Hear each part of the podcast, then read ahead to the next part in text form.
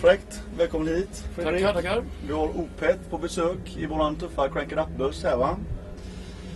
Har ni haft en bra eh, sommar hittills?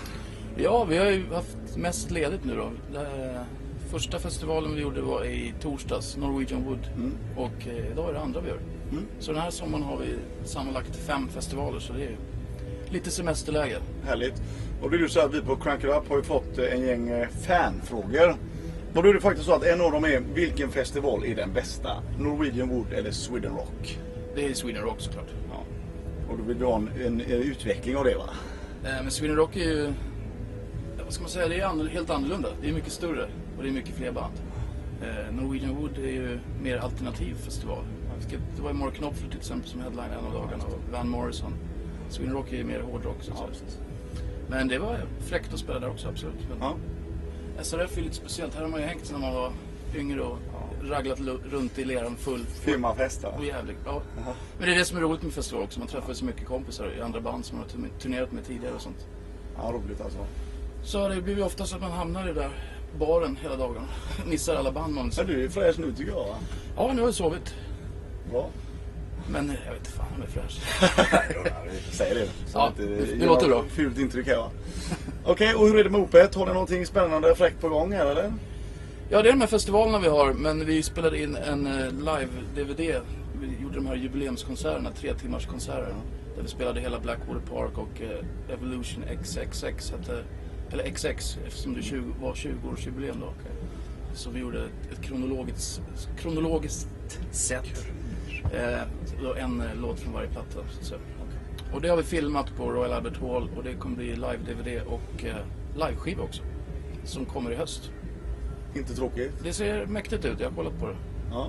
Så Fan, vi det filmar med riktigt 14 spännande. kameror och det är ett väldigt pampigt ställe. De kameror, det är är första gången man har haft dödsgrowl i, i den. Så det känns lite så här rebelliskt att lira. Ja, det förstår jag.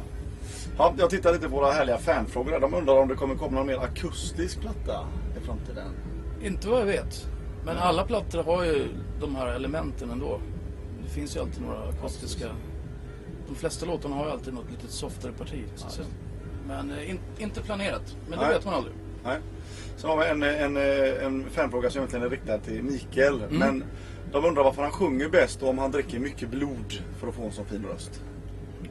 Jag för att han dricker sån här kaustiksoda. Ja. Det är då han får upp det här Ja. riktigt.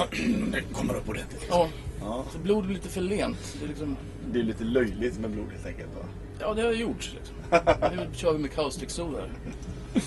Ja, det är bra det. Ehm, och om eh, man tittar på festivaler generellt sett så är det många som frågar vilken eh, festival tycker ni är bäst arrangerad? Mm. För ni gör ganska mycket festivaler. Jo. Ja, Wacken och sånt är ofta väldigt bra som är stora i Tyskland. Jag gillar en festival i Slovenien. Eh, Metal Camp. Mm. Den är väldigt cool. Uppe i bergen där. Det verkar vara ett coolt häng. Eh, De flesta festivaler är ju proffsiga, Ja. tycker jag. Överlag. Svårt att säga någon som är bättre just när det gäller arrangemang. Men holländska festivaler brukar vara väldigt bra också, Ja. tycker jag. Härligt. Och eh, kan du berätta om något eh, tour prank ni blivit utsatta för som har varit? Ja, ja, det brukar ju vara, vi har ju turnerat lite med Dream Theater och de har ju haft lite så här roliga grejer för sig. Som eh, ja, Mike Porton brukar tejpa upp porrbilder och sånt där och kasta kakor på oss och lägga babypuder på trummorna. Sådana här klassiska pranks. Men vi gjorde, vi hämnades tillbaka på dem sist. Så jag köpte en sån här fart machine i USA då, som du har en eh, remote, eller en fjärrkontroll till. Då. Ja. Eh, med 12 olika pruttljud. Så vi la in den i en låda och mickade upp den. Så alla då, utom sångaren i Dream Theater, hade, fick då liksom pruttar i, sin, i sina in-ears. Det var ju väldigt roligt. Och hur blir det mottaget? För de spelar ju, när det är ett sånt känsligt parti och det ska vara finstämt och sådär så kommer nej, nej.